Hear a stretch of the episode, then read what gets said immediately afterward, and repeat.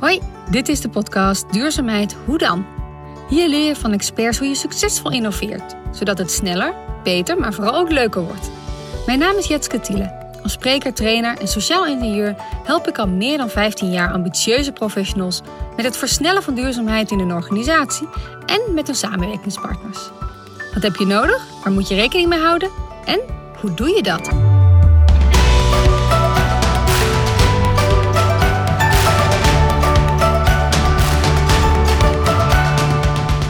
Dan merk ik ook wel dat soms dingen tegenzitten of niet gaan zoals je wil. Ja, dan moet je iets anders gaan doen. En, en, en ander gedrag vertonen. Je hoort hier Carlo Buizen. Hij is op de bres voor een duurzame en groene campus. Van docent milieukunde naar programmacoördinator op de Radboud Universiteit in Nijmegen. Carlo vervulde de laatste jaren verschillende functies. Maar één ding kwam steenvast bovendrijven: de drang om duurzaam bezig te zijn. Op de Groene Campus stimuleert hij studenten, hoogleraren om geduurzamer te gaan leven. Of het nu gaat om een carpooling-app of plantaardig voedsel in de kantines, of de looproutes langs bijenkorven, insectenhotels en vleermuizenkasten. Duurzaam bereikbaar Heijendaal is een van de laatste projecten waar hij bij betrokken is. En het is een samenwerkingsverband van onderwijsinstellingen, overheden en vervoerders in de regio Nijmegen. En Carlo zit namens de Radboud aan tafel. Het doel? De verkeersdrukte tijdens de spitsuren verminderen en auto's uit de stad te weren. Het academisch kwartiertje, waarbij onderwijstijden werden aangepast, haalde al veel studenten uit de bomvolle spits in de treinen en bussen. En tijdens de volgende fase van het project moet ook de doorstroming van auto's radicaal verbeteren. In deze podcast ontdek je hoe je de mens achter een instelling of organisatie blijft zien. Hoe je met drie partijen met eigen belangen toch een gezamenlijk doel kneedt. Dat je de beren op de weg soms even moet knuffelen om te kunnen doorpakken. En hoe een gezamenlijk gevoel van urgentie de flow van een project vleugels geeft. Ook ontdek je waarom een ongezond systeem voor de aarde als een boemerang terugslaat. Waarom ziekenhuizen en medici zich meer zouden moeten richten op preventie en gezondheidsbevordering. En waarom een centrum voor de planetary health de nieuwe stip op de horizon zou moeten zijn. En de overeenkomsten tussen het zeilen en de reis naar een gezondere, duurzame wereld.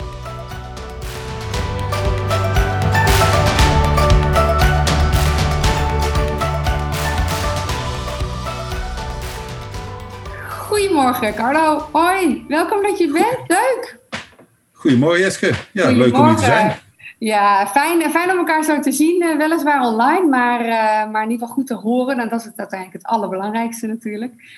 Carlo, kunnen we maar gewoon aftrappen. Wat is voor jou duurzaamheid en uh, hoe geef je er invulling aan thuis? Nou, voor mij is, is duurzaamheid eigenlijk dat wij ehm, eigenlijk heel basaal de wereld achterlaten zoals we hem eigenlijk gekregen hebben. Misschien eigenlijk iets beter.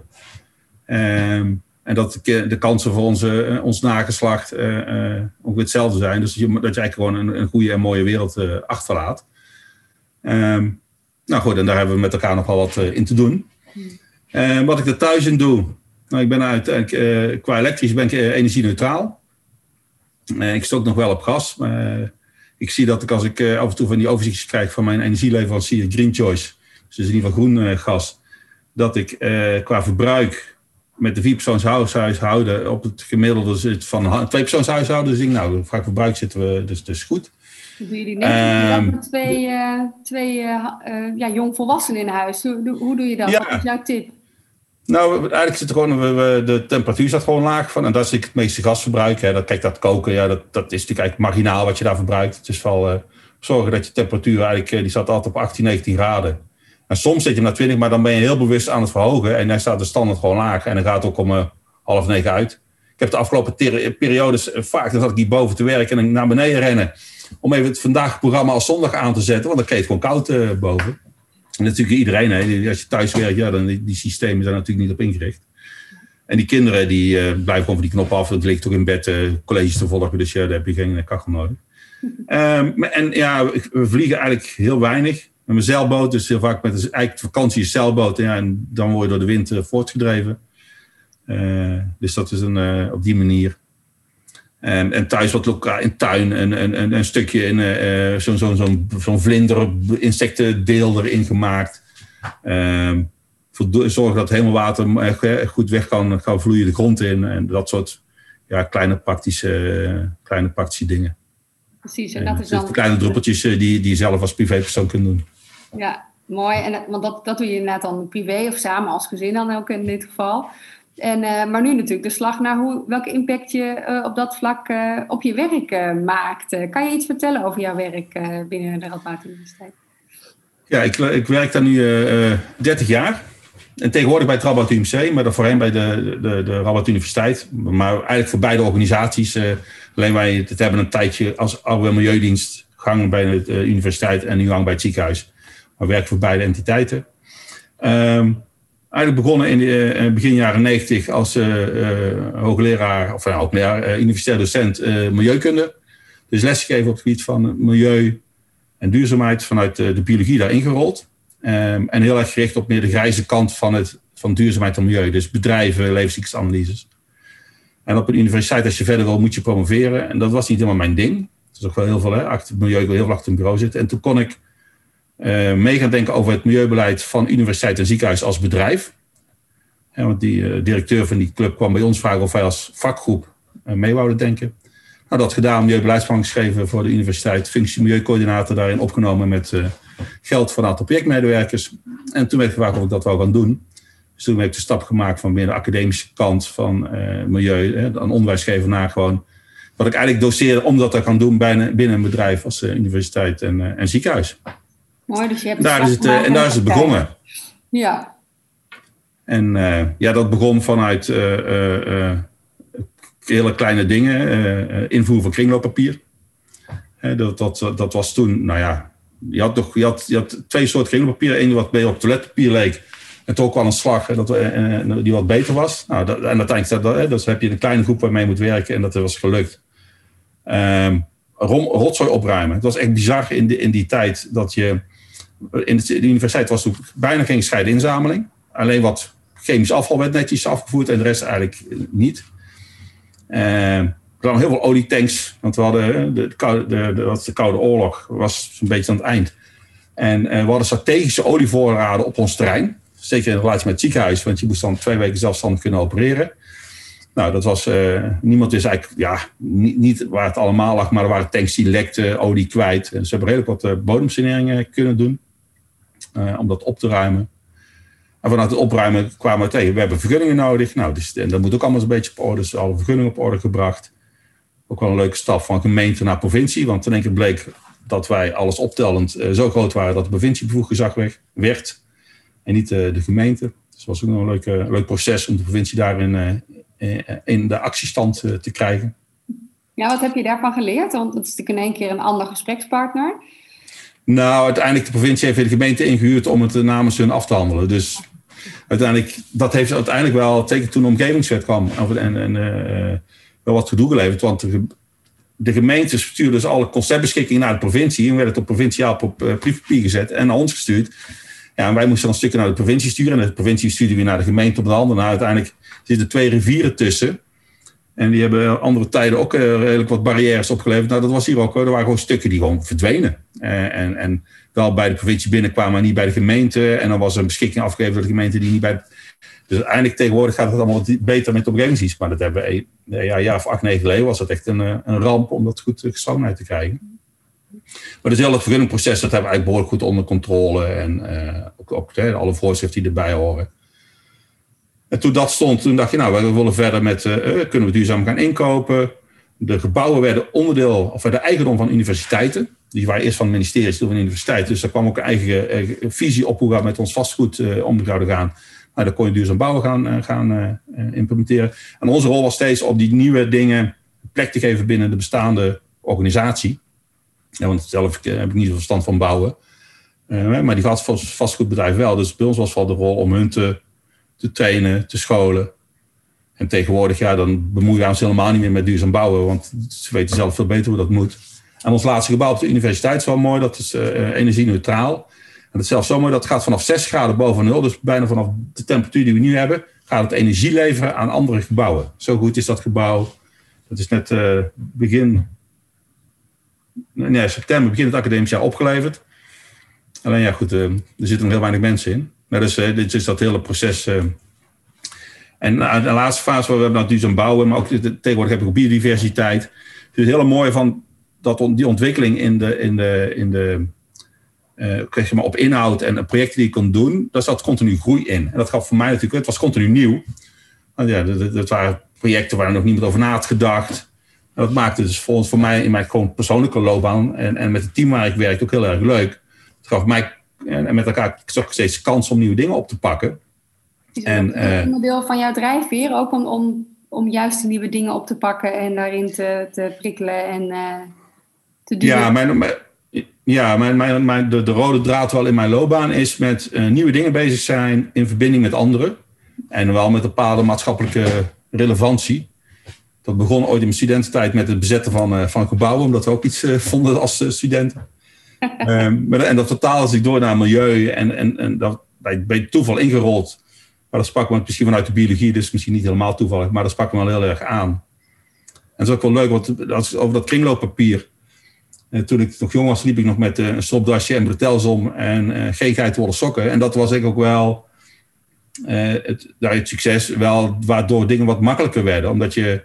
Uh, het milieu zat toen nog wel een beetje in de geitenwolle sokkenhoek. En uh, ja, ik ben niet zo type. Hè. Ik ben ook wel eens even gewoon zakelijk en we gaan dingen met elkaar doen. En uh, wel vanuit een soort drijfveer. En de rode lijn is eigenlijk de, de impact wat je hebt. Hè. Met, met kringlooppapier is dat, dat zit nog klein. Maar in de projecten waar ik nu mee bezig ben, wordt die impact veel, veel groter. En, het, en de stakeholders waar je mee in het doet, wordt ook steeds, uh, steeds meer ja. blijf vanuit die lijnen, dat, dat groeien in duurzaamheid. Dat is mijn eigen groei natuurlijk heel erg uh, ook uh, geweest. Um, door eigenlijk de, de, de, het mooie dat er steeds wel nieuwe problemen gemaakt werden door de mensheid en die dan opgelost uh, moesten worden. Hè. Dat, waar we ooit zure regen hadden als probleem, is tegenwoordig hè, biodiversiteit, klimaat. Dus je ziet ontzettend, ik zeggen ontwikkeling, maar eigenlijk een, een groei in, in problematiek.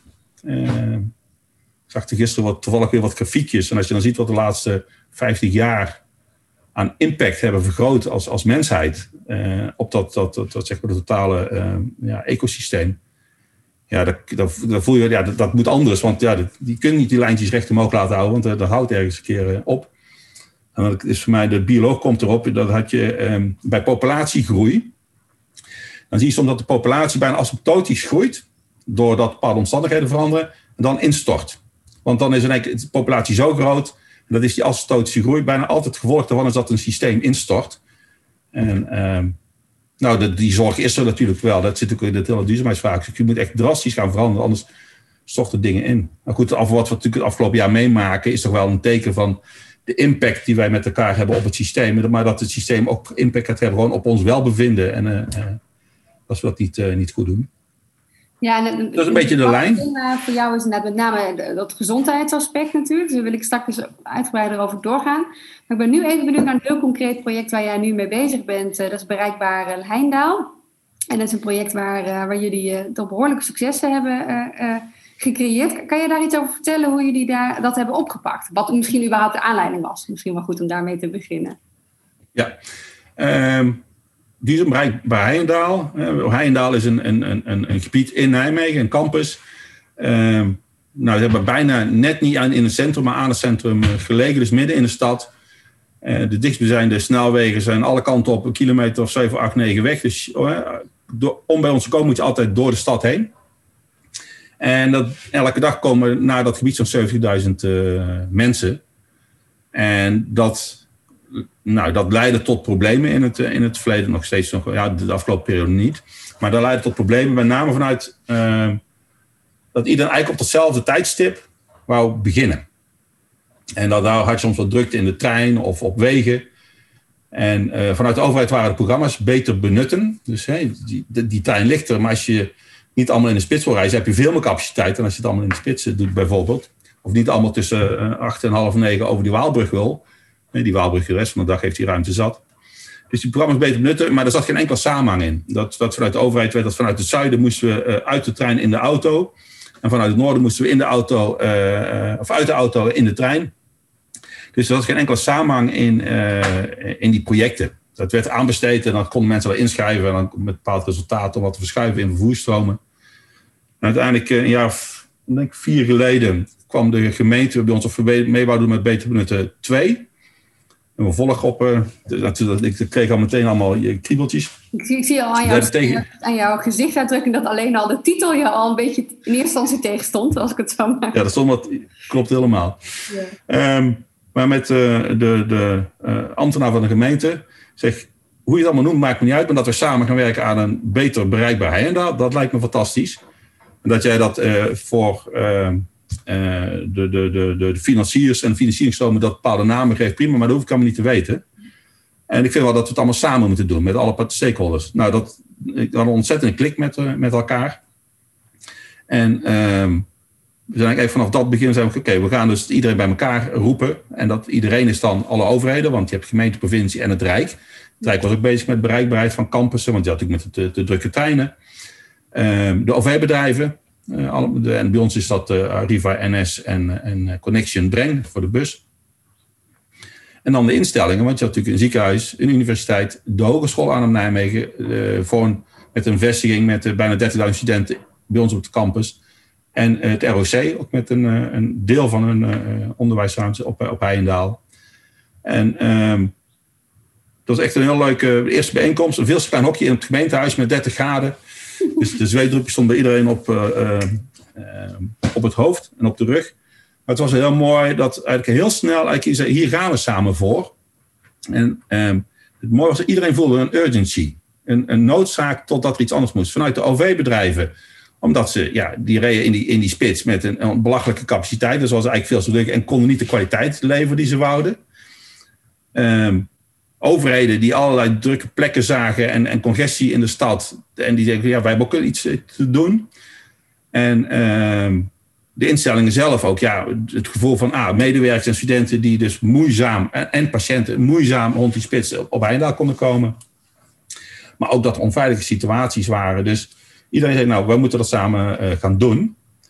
En wat toen eigenlijk een soort, soort aanpak hebben geformuleerd van we willen eerst eens weten waar we het over hebben. Dus heel erg data-driven zijn we gaan kijken wat kunnen we nu, nu doen.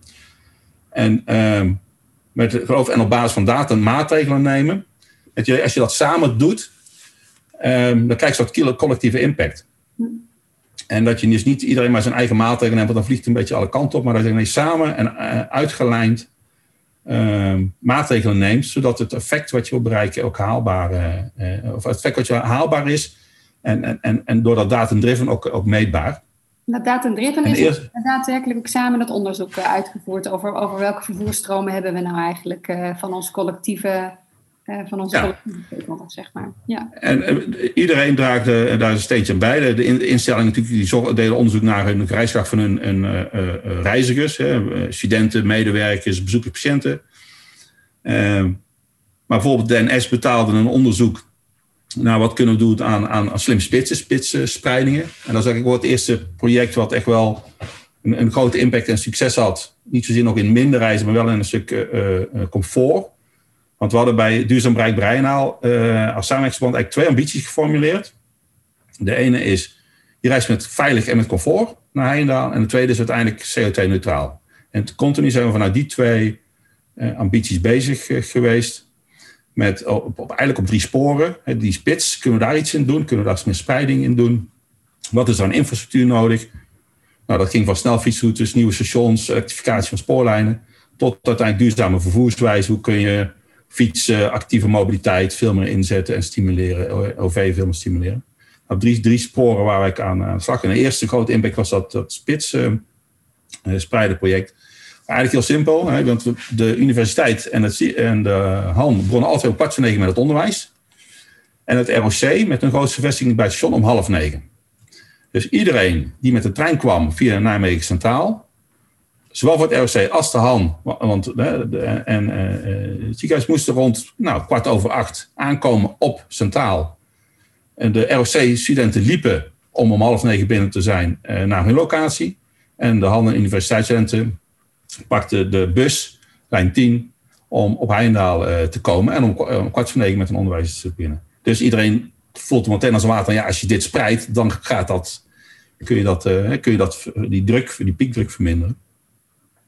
En het was wel heel uit. Dus echt gaan rekenen. Want als je dus drie instellingen hebt, je het allemaal een kwartiertje schuiven. Dat was voor alle instellingen was bespreekbaar dat we een kwartiertje schuiven. Dat is wel spannend. Is een heilig huisje natuurlijk, kort voor negen. Dat was al jaren zo. Dus, dus je gaat ja, dus dat... tornen aan iets wat, wat al lang zo is. Heeft ja, en het was, het was en tornen aan iets wat heel lang bestaat. En ook wel een beetje uh, um, emotioneel geladen. Want een, uh, eigenlijk een jaar daarvoor is er vanuit... Nou ja, toen Roger van Boksel, directeur van NS en ook de overheid... naar die academische instellingen gegaan van... kunnen jullie niet gewoon om tien uur beginnen met je onderwijs? Dus er was een soort van, uh, wij hebben een probleem, maar los jullie het maar op. Dus het lag ook een beetje, het onderwijstijden schuiven lag ook wel een beetje als, uh, als een soort uh, ja, emotioneel zwaar ding. Dus uiteindelijk we hebben wij op kunnen halen, mogen we als een kwartiertje schuiven en we kunnen oplossingen bedenken, is dat acceptabel? Nou, daar werd dan, nou, laat het maar eens zien. Nou ja, uiteindelijk hebben we 13 scenario's doorgerekend. En uiteindelijk ging de hogeschool een kwartier naar achter, ging naar 9 uur. De universiteit een kwartier naar voren. En het RBC bleef op dezelfde tijd zitten. Want dat was het meest uh, nou, zinvolle en effectieve scenario. Omdat stel dat het om hadden gedraaid, dat de hand naar voren was gegaan, was zelfs wat drukker geworden in de, in de, in de, in de vroegere spits. Omdat bij de hand veel meer studenten reizen met het OV dan bij de universiteit. Dus die en dan denk je, we doen iets, we trekken het uit elkaar. Maar dat je dus data hebt, kun je zien, nou, dit is het effect. En uiteindelijk hebben we dat ook ingevoerd en uh, we zagen uh, gemiddeld een piekverlaging van 20% in de, in de treinen. En bij Arriva ging dat naar de 40% toe en in, uh, bij de NS op 15%. In de trein naar, Heijend, of naar Nijmegen en Heijendaal. Dus een ontzettend uh, goed resultaat. Bij de bus zag je iets minder ehm, afname qua drukte. maar wel de wachttijden voor de bus. Want als, je, als een intercity leegloopt en dat moet in een bus, ja, dan heb je gewoon zes, zeven bussen nodig. En ehm, in het verleden stond men zes, zeven bussen op te wachten. En nu hoeven ze nog met twee of drie bussen te wachten. Dus het blijft ook in de bus dan nog even druk. Hè, want de bus is dan op dat tijdstip uh, vol. Alleen de doorstroom was een stuk uh, sneller. Wow. Dus dat is een project wat we, dat, dat heel succesvol was. En we zijn nu verder aan het gaan in een, een volgende ambitie met, naar Heijendaal. Om uiteindelijk te kijken, kunnen wij op de korte termijn 20% minder auto's naar Heijendaal krijgen. Omdat we eigenlijk ook wat willen vergoeden kijken of we doorgaand verkeer vanaf Heindaal kunnen uh, weren. En dan asfalt uh, om kunnen zetten naar groen. En ehm, ja, dan moeten minimaal 20% minder auto's hebben. Anders krijgen we gewoon een, een, verdringing de stad in. En dan krijg je overlast in de stad door iets wat wij willen. En dat wil je natuurlijk ook niet. Dus dat is eigenlijk een eerste fase. En de tweede fase is dan richting 2030 om dan CO2-neutraal te worden. Dus we zijn nog heel erg aan het kijken hoe kunnen we echt dat autogebruik verminderen, alternatieven stimuleren zijn op dit moment ook weer, echt, echt aan het rekenen van oké, wat is nou, uh, het, kan het effect zijn van bepaalde maatregelen. Uh, we hebben nu bijvoorbeeld binnen het ziekenhuis, als je binnen 7,5 kilometer woont en je wil parkeren op Heindaal, betaal je een hoog tarief. Nou, die 7,5 kilometer is ooit bedacht toen er nog uh, geen e-bikes waren. Nou, dus je kunt nu hebben, oké, dat kan 15 kilometer zijn. Maar je kunt ook zeggen, binnen drie kwartier OV. En het laatste wat we nu aan het doorrekenen zijn, is een, ketenreizen. Stel dat je zegt, eh, kijk, nu zie je in allerlei uh, reisplanners, je krijgt of een autoadvies of een OV-advies. De, de ketenadvies is er niet. En we hebben nu gezegd, als je stel dat wij als criteria gaan, nieuwe criteria gaan bedenken, en dan moet ik allemaal gaan overleggen met de medezeggenschap, en nou, natuurlijk een heel proces. Maar het idee wordt uh, fietsen 15 kilometer, drie kwartier of een uur OV, of een uh, 20, 20 minuten langere reistijd in een keten. En als, als, we die 20, als we dat voor elkaar krijgen, dan kun je bijna alle auto's buiten de stad op Transferia opvangen. En dan moet je wel zorgen dat, dat daar goede kwaliteit zit met, met OV eh, en met bussen. Maar met name omdat we hebben een paar Transferia en dan ben je tussen de 10 en, en, en 15 minuten langere reistijd kwijt naar Heindaal als je over moet stappen op die Transferia. Dat geeft ook heel veel potentie. Nou, er zit natuurlijk heel veel lading aan, want ja, je, moet, je kunt niet zo, zelf doorrijden. Um, maar het geeft wel onze ambitie die we met elkaar willen hebben. En minder auto's, minder uh, auto's de stad in, andere transportvormen. En, dat is, en kijk, over 10, 20 jaar, dan rij je echt met de meeste auto's niet meer de stad in. Dan ga je gewoon, moet je, word je gedwongen om aan de rand te, uh, te staan. Kijk maar in Amsterdam, hè, daar ga je met die auto echt niet de stad in. Of je moet een dagje sightseeing willen doen uh, op, op, op, een paar straten, anders doe je dat niet. Nee, maar ik vind het een heel Er zit nog heel veel ambitie in dit, dit, dit project. Hoe je het in Heijnen... En ook wel, misschien, Oh ja, sorry. En vooral dan zeg maar de, de, ehm, het ook heel duidelijk vanaf, vanuit het gebied bekijken. Dus wat, wat levert dit gebied dan op? Hè? Dus, dus een goed bereikbaar Heindaal. Ik moet er zelf ook wel aan denken, want ik ben zelf als klein meisje uh, woonde ik in Nijmegen en zat ik op de kleuterschool uh, op de universiteit. Dus daar fietste ik dan zo langs die mooie rhododendrons, die herinner ik mij nog wel uh, zeker. Dus dat, ik vind het ja. daarom ook wel een hele leuke, leuke link natuurlijk. En waarschijnlijk in die tijd, uh, wat is het dan, 40 jaar geleden zeg maar, was er, uh, was er nog niet zoveel autoverkeer. Ik denk dat dat nu wel waarschijnlijk echt wel anders zal zijn. Dus hoe we daar ook weer met elkaar dus weer nieuwe, tot nieuwe oplossingen moeten komen. Ja, en doordat we natuurlijk ook daar geconcentreerd zijn geraakt, hè, in, in die tijd dat jij daar fietste, was eigenlijk alleen nog de universiteit en het ziekenhuis. En uiteindelijk is natuurlijk hè, het plan ook zo gekozen om de handen ook te vestigen. En een deel van het ROC dus kijk, universiteit en, en, en, en ziekenhuis alleen hadden zo'n 20, 15.000 studenten en dan 12, 13.000 medewerkers. door de komst van de HAM is dat aantal verdubbeld, omdat er, er zitten gewoon 30.000 studenten. De HAM-student um, rijdt ook relatief veel auto. En dan relatief moet je, en, en nou, een kleine 10 procent. Op 30.000 studenten zijn er veel auto's. En um, ja. bij de universiteit zit het rond 4% bij de studenten. Want die wonen toch meer hè, in, in, in, uh, in Nijmegen universitaire studenten. Maar ja, als je dat optelt, dan is de populatie studenten qua autogebruik ongeveer even groot als qua medewerkers. Dus dat, dat werd dus in, in, de, in die projecten dat we dat onderzochten ook wel duidelijk. Oh, maar dat heeft wel ook impact in de maatregelen die je gaat, gaat nemen. bij, bij medewerkers kun je iets doen met een, uh, een, een, regeling en, en reiskostenregelingen en, en belasting. En, maar ja, hoe doe je dat met studenten? Hm. Ja, die hebben een OV-kaart. Dus dat is wel een, ehm, boeiend hoe we daar nog op, daarin gaan sturen de komende, komende tijd. Komende tijd. Ja, want hoe heb je dat met de collega's gedaan? Want dat is natuurlijk ook, hè, dat, zelfs dat kwartiertje, dat kan natuurlijk ook eh, effect hebben op, uh, op, op de dagindeling, om het zo maar te zeggen. Maar hoe hebben jullie dat ondervangen? Nou, wat we bij de. Uh, we hebben natuurlijk de beren die natuurlijk altijd bij elke verandering worden gezien, uh, hebben opgehaald. Ja. ja, de ja-maars. En die, daar zijn, die hebben geknuffeld. En er waren een paar hele mooie. Dat, um, er was er een van ja, maar dan kunnen we de kinderen niet meer naar de kinderopvang brengen. En het wordt mooi. Dat wordt dan ook geformuleerd in we kunnen dan de kinderen niet meer naar de opvang. Alsof alle medewerkers eh, van de universiteit kinderen hebben. Uh, die in de leeftijd dat ze naar de kinderopvang uh, moeten. Uh, dat, uit Groningen kun je niet meer op tijd bij het college zijn.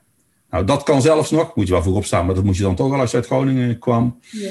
Ehm, de leerprestaties van studenten gaan achteruit door dat soort eerder. Nou ja, dat soort.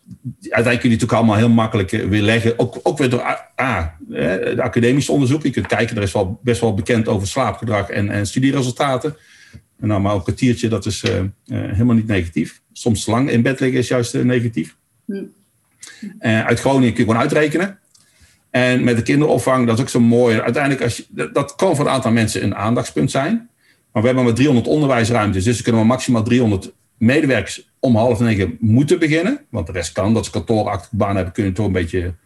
Dus dat 300, en ja, van die 300, als je dan een gemiddelde populatie pakt, hebben er zo'n 10% een kind maximaal in de uh, leeftijd dat ze naar kinderopvang moeten. Dus uiteindelijk gaat het om 30 mensen. Nou, als dat dan echt een probleem is, want heel Nederland kan het wel, waarom zou het op een universiteit niet kunnen, hè, dat je om uh, half negen kind al bij de kinderopvang hebt? Uh, ja, dan moet je een afspraak maken met je leidinggevende uh, voor een bepaalde periode. Nou, dus, dus, je kunt wel die beren en die jamaars uh, uh, wel oppakken, want dat zijn, maar je kunt ze ook wel heel vaak weer leggen.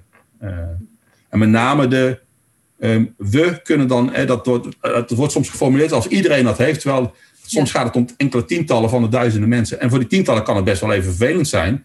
Maar dan moet je dan even kijken hoe je dat kunt oplossen. Nou, ik vind het heel mooi hoe jij dat doet. Je pakt hem, zeg maar, het is een emotie die misschien de eerste reactie is, zeg maar, maar je pakt hem heel rationeel op. En vanuit door het, door het te, zeg maar, te, kunnen, uh, uh, te kunnen weerleggen, of in ieder geval de, rationele analyse, zeg maar, even die erop losgelaten worden, maakt ook dat het, dat het probleem minder groot is dan misschien lijkt, of in ieder geval oplosbaar uh, is. En dat je het ook serieus neemt. Hè? Het is niet van nou, daar, daar, hebben we het nou niet over. Je, je pakt hem ook wel aan. Ja, Wat je zegt, ja. de beren die op de weg staan uh, ook wel op dat vlak. Uh.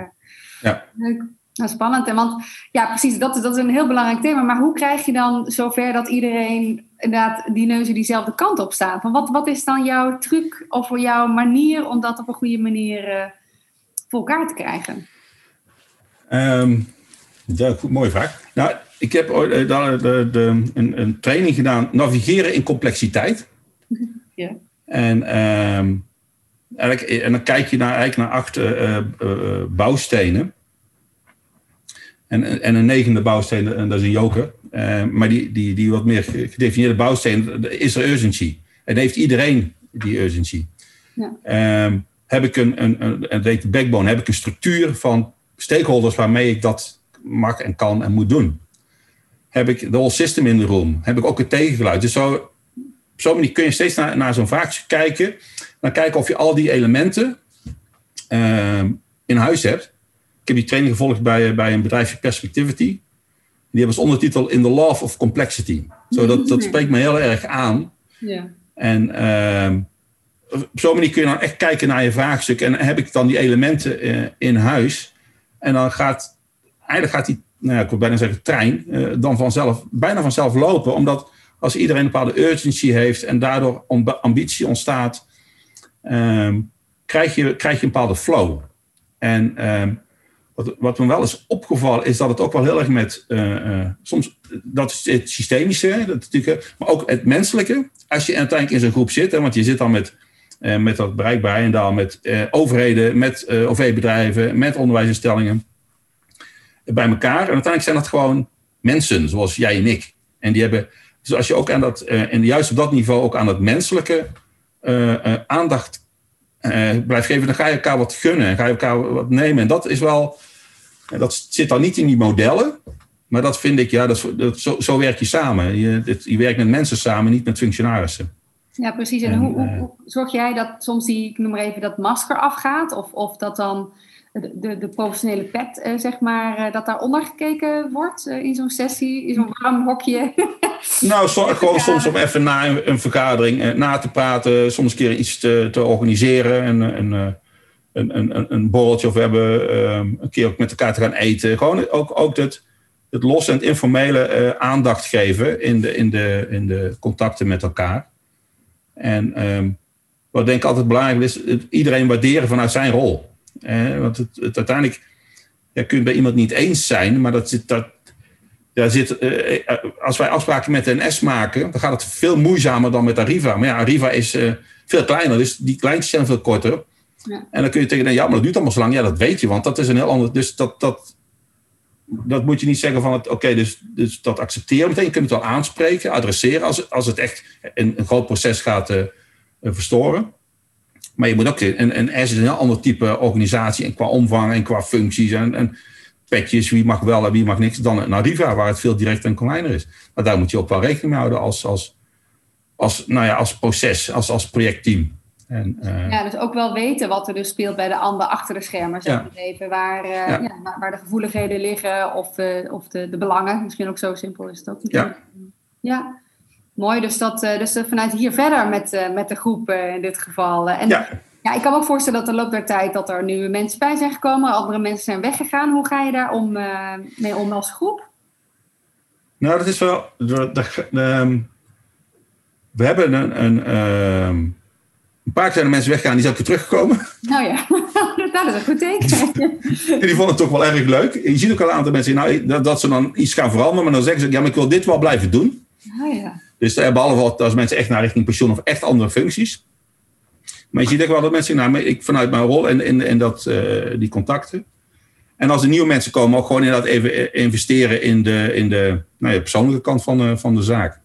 Ja, mooi. Zo dus het is ook, ja, het is ook, ja dat, dat, de, de, de, de intermenselijke relatie binnen zoiets is altijd ook van een groot belang. En uiteindelijk gaat het om, inderdaad om een beetje geven en gunnen en, uh, ja.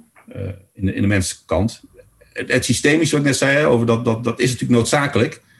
Uh, maar als je intermenselijke kant er niet is, dan volgens mij kom je er nog niet. belangrijk, belangrijke boodschap inderdaad wat dat betreft uiteindelijk. Het gaat over dat misschien ja. de opgave die je hebt met elkaar en met alle belangen, maar uiteindelijk moet je, doe je ja, doe je, doe je zaken met mensen. Zo simpel is het. Ja, ja. ja.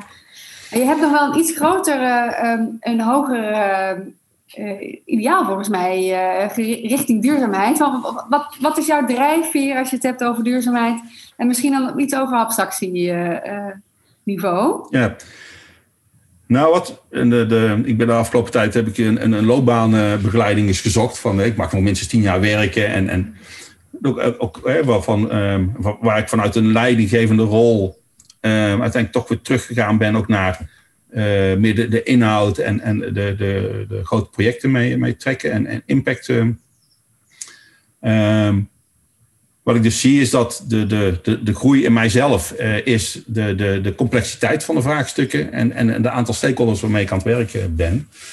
En ik ben dus de laatste periode ook wat meer in het ziekenhuis gerold om uh, preventie en gezondheidsbevordering binnen het ziekenhuis mee betekenis te geven als een soort programmacoördinator. Dat is eigenlijk wel heel boeiend, want je brengt dan iets in een ziekenhuis wat 100% tegen het verdienmodel ingaat. Want als mensen niet ziek zijn, dan komen ze niet bij ons en dan verdienen niks. Dus dat is een hele uh, boeiend systeem. Ook de, de, medici zijn heel erg opgeleid om beter te maken en niet om ziekte te voorkomen. Nou, dat is iets waar we in, wat je nu in de tijdsgeest ook ziet. Hè. Uh, denk over je gezondheid, uh, uh, leef een gezonde leefstijl, dan word je minder ziek. Je bent weerbaarder tegen COVID. Nou, je ziet echt op dit moment de, de, de spotjes um, op tv en radio komen. Over, ben bewust over je vitaliteit. En gedraag je daarna, dat helpt gewoon. Maar in, dat inbouwen in zo'n ziekenhuis is heel erg in, in, is, is complex.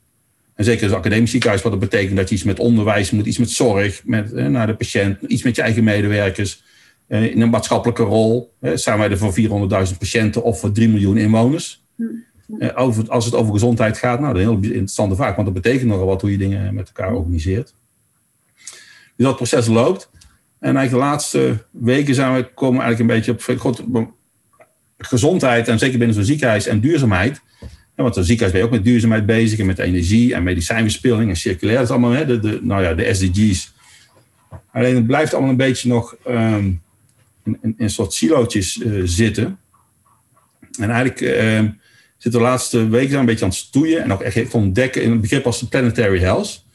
Wat uiteindelijk vanuit de, de Rockefeller Foundation en uh, de Lancet Commissie on Planetary Health. En, die hebben heel erg gezegd van de, het beïnvloedt elkaar heel sterk. Hè? Dus de, het element gezondheid uh, en, en, en de gezondheid van de aarde, dat de van de aarde of het systeem en de beïnvloeding daarvan naar elkaar toe, uh, eigenlijk um, heel, weinig gebruikt, heel weinig gebruikt wordt in de um, aanpak van, van de, het vraagstuk. Rondom, zowel duurzaamheid als gezondheidsbevordering, uh, gezondheidsbevordering en preventie.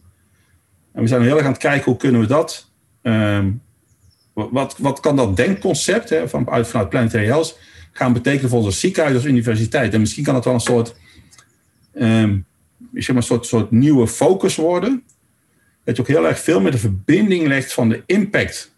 Uh, wat wij als mensen hebben op het systeem, maar wat het systeem volgens op ons als impact heeft. Nou ja, het laatste jaar met, met COVID is natuurlijk een, een ja, ultieme, bijna ultieme uiting van de, de, de wederzijdse afhankelijkheid. Van de, de, gezondheid van het systeem en, en onze gewoontes die we hebben met, met, met, met voeding, met reizen. Met het, het, is niet meer dat we allemaal in het dorp en er wordt iemand in het dorp ziek en misschien het dorp sterft, uit en het is klaar. En wat je natuurlijk met, met wat in het verleden met, met ebola zag je natuurlijk dat, dat een heel ernstige ziekte. Maar dat, omdat het ook zo dodelijk was, kon dat heel lokaal blijven. En dat mensen niet zo. Dan, nou, dan, en dan dan stierf het bijna, de ziekte stierf dan bijna uit, omdat wij al, ja, als, als wereld niet, uh, niet, niet continu met elkaar op zoek gingen. Dat soort impact heeft, wordt natuurlijk vergroot. Dus het, het, begrip als planetary health, hoe we daar als, als Radboud uh, betekenis aan kunnen geven, is nou een beetje de, de, zeg maar de volgende focus. Ja. De afgelopen jaren. Dus, hè, met, met een stip op de horizon van, goh, van wat is dan eigenlijk duurzaamheid? Dan gaat het heel erg over de gezondheid van ons als mens zijnde binnen het systeem. Dus binnen net de gezondheid van de aarde, van onze leefomgeving. Ja. Volgens mij is dat een heel beeldend, uh, beeldende stip die je neer kan zetten om ook de rest van de collega's in mee te krijgen. Zijn, zijn jullie daar op een bepaalde manier ook mee bezig? Van goh, hoe, hoe kunnen we dat, dat begrip levendig krijgen bij uh, collega's? Ja, we zijn nu een. Uh, toevallig, vorige week hadden we het overleg met de lid van de Raad van Bestuur samen met mijn collega Joost, die zeg maar, voorzitter van het preventieteam. En toen hebben eens even nou ja, geproefd hoe, hoe, hij daarin stond. Nou, die werd helemaal enthousiast. Dus uh, morgen is er een overleg uh, van de Raad van Bestuur van het ziekenhuis met de universiteit. En komt dit ook op de agenda. Want je, uh, als je hiermee bezig wil zijn, gaan, kijk, het heeft, duurzaamheid, duurzame ontwikkeling is natuurlijk wel al multidisciplinair. En, maar als je eigenlijk naar duurzaamheid kijkt, uh, daar staat wel binnen de SDG's gezondheid. Eén gaat over gezondheid, maar dan is het nog heel erg um, vrij, technisch. We moeten zorgen dat die mensen gezond zijn, maar de beïnvloeding van de verschillende SDG's op gezondheid, als je hem zo even, dat, dat, dat is ook heel weinig, uh, er is weinig over bekend. Maar zeker binnen zo'n zo'n academisch ziekenhuis, als een hele brede universiteit, heb je natuurlijk alle kwaliteiten nodig. Want het is natuurlijk heel multidisciplinair, multidisciplinair integraal. En ja, dus wanneer het kijken, kun je daar niet iets um, van maken. Een, een, ambitie, maar goed, die is gisteravond geboren bij mij en mijn, met mijn collega van.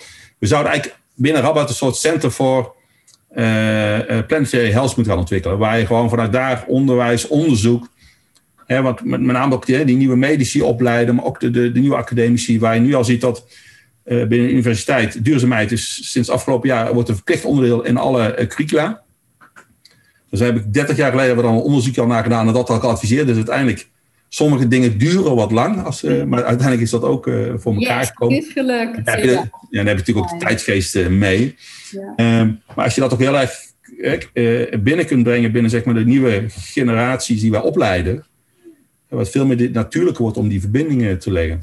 Ja. Dus dat is zeg maar de nieuwste nou ja, stip. Mooi. En, en, en, focus. Ik denk, nou, daar kunnen we ja, wel hij is, hij is heel in deze tijd denk ik ook heel helpend, zeg maar even. Uiteindelijk, ja, niemand is tegen niet gezond zijn, hè, zeg maar, of, of tegen een niet gezonde ja. omgeving. Dus het helpt natuurlijk heel erg over om mensen daarin mee te krijgen, maar ook dan volgens de stap te kunnen maken. Oké, okay, en wat kan ik daar dan aan bijdragen? Dus ga ik dan heel veel medicijnen voorschrijven, of ga ik op een andere manier? Of nou, ja.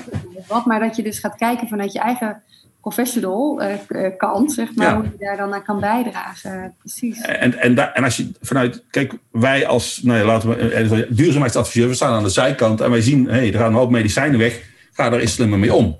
Ja. En dan kunnen wij kijken hoe we dat proces kunnen verbeteren. Maar in die hele zorgketen en het omgaan met medicijnen, ja, dat is die, die arts die daar een keuze in maakt. Het medicijnverspilling is meer, het is meer iets technologisch. Zorgen dat je ze minder voorschrijft, dat het de hoeveelheden beter passen, dat je eventueel iets terug kunt nemen en opnieuw kunt uitgeven. Maar de ontwikkeling van het medicijn en eventuele impact buiten de patiënt. Of uh, moet ik dit medicijn in deze context misschien nog wel of niet toeschrijven, want ik zie andere effecten komen. Ja, dat soort vragen bestaan niet.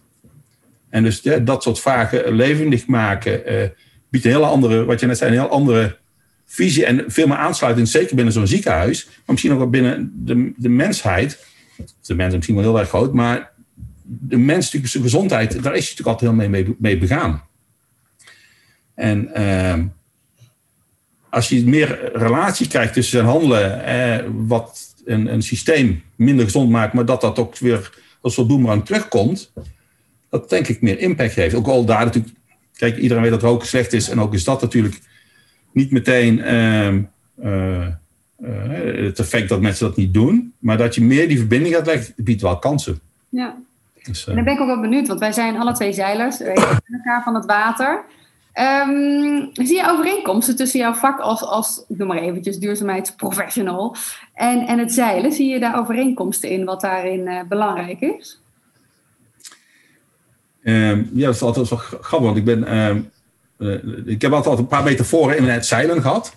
Ja. Een, uh, vanuit mijn leidinggevende rol als kapitein op een boot. Ik had altijd wel mensen erbij en ik ben wel een soort uh, kapitein. En vond het allemaal belangrijk dat mensen het naar hun zin hadden. En we hebben ook met wedstrijden zeilen. Dan, eerst was het naar je zin hebben en daarna winnen. En het was mooi als dat alle twee samen kon. Maar alleen winnen met een hoop chagrijn, dat, dat was niet belangrijk. Maar wat ik ook wel het mooie vind um, van zo'n boot en dat is ook wel dat je, je hebt een, een doel ergens heen, een richting. Um, alleen je bent wel heel erg in het moment aan het, aan het sturen. Dus eigenlijk, je weet wat, de, de, de, de, de, nou, het, stipje op de horizon is er. En, um, je bent heel erg het moment bezig met, oké, maar wat is nou wat ik nu kan doen? Want ik heb nu wind, ik heb nu stroom, ik heb nu andere boten. Dus je bent heel erg vanuit het nu en, en, acties aan het doen. En dat vind ik ook wel heel erg mooi. Eigenlijk, dat, dat zie ik ook een parallel met wat ik doe met duurzaamheid. Een beetje ook de, de, de methode van natural step. We hebben een horizon. Nou, daar willen we naartoe. Dus dat kunnen we mooi benoemen.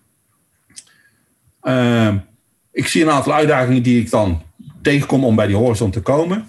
En wat is de stap die ik nu kan doen, die mij een klein stukje dichterbij in die richting van die stip aan de horizon. Dus je begint steeds van uit hele kleine stapjes dingen doen.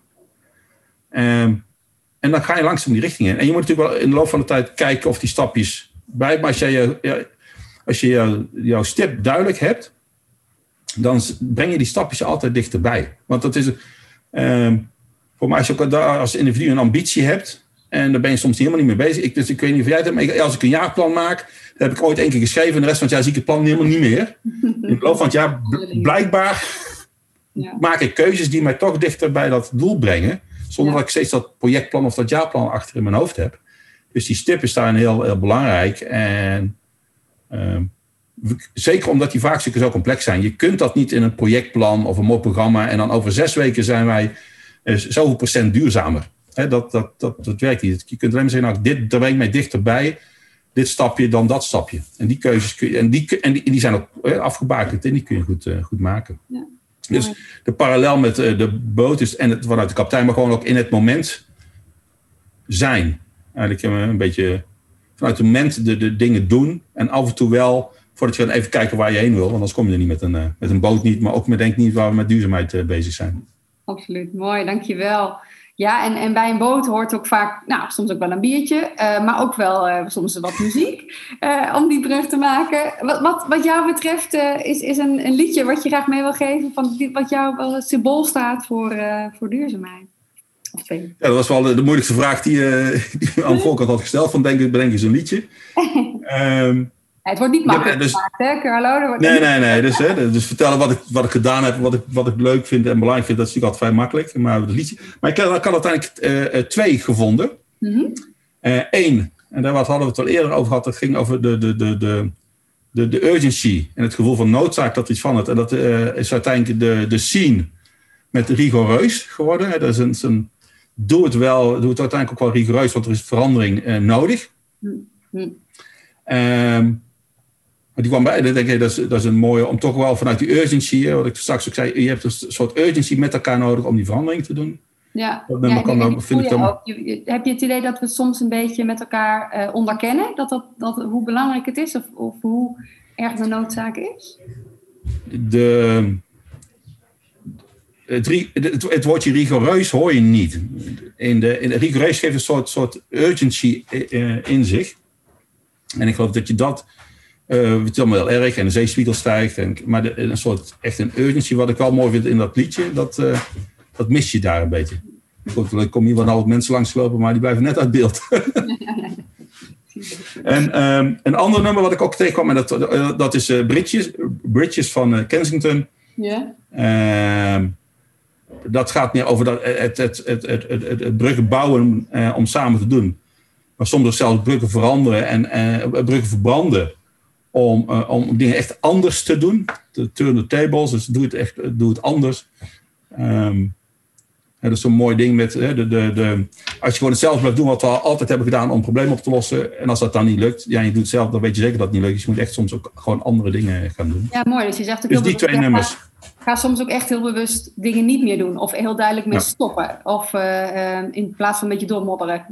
Mag ik dat zo uh, ja, ja, maar kijk, als jij... Maar goed, misschien heb je, ben ik ook als persoon... Dan merk ik ook wel dat soms dingen tegenzitten of niet gaan zoals je wil. Ja, dan moet je iets anders gaan doen. En, en, en ander gedrag vertonen. Ik heb een hele... Uh, een, een, een, in mijn loopbaan heb ik een, een vrij uitgebreide training NLP gedaan. Neurolinguistisch programmeren. Nou, dat leer een aantal communicatievaardigheden, coachingsvaardigheden. Een heel belangrijke die ik maar eigenlijk gewoon eigenlijk eigen heb gemaakt, is dat de betekenis van je communicatie is het effect wat je oproept. Dus als je tegen iemand zegt, ga linksaf en dan gaat rechtsaf, dan kun je twee dingen doen. Dan kun je zeggen, oh, dan is blijkbaar, zoals ik communiceer, wordt niet goed opgepakt. Ik moet iets anders gaan zeggen. Of je kunt zeggen, wat een surfer, hij luistert niet. Maar als je dat zegt, dan zet je jezelf vast. Dus het helpt me heel erg om als, je, okay, als ik dan dat effect niet bereik, oké, hoe kan ik het anders doen? En uh, nou, dat, dat een mooie, mooie afsluiting, zegt zo in één keer zo. Zeker, hoe kan ik het anders doen? Mooi. Ja. Heb je toch bij jezelf houden en tegelijkertijd anderen meekrijgen in dit geval. Ja. Dankjewel, Carlo. Graag gedaan. Is leuk.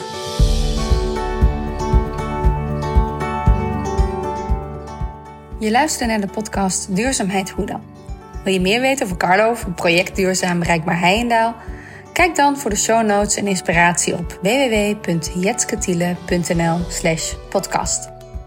Ik ben heel benieuwd hoe jij naar dit gesprek kijkt naar jouw vraagstukken en aanpak. Heb je nieuwe inspiratie opgedaan of wellicht herkenning gevonden? Stuur het gesprek gerust door naar iemand die het ook zeker moet luisteren. Maar ik zou het heel, ook heel leuk vinden als je me laat weten wat je eruit hebt gehaald. Hartstikke leuk. Stuur een berichtje, een appje of een mailtje of een berichtje via Instagram of LinkedIn. Daar ben ik heel erg blij mee. Dankjewel voor het luisteren en leuk dat je erbij was. Veel ontdekplezier in jouw reis richting duurzaamheid.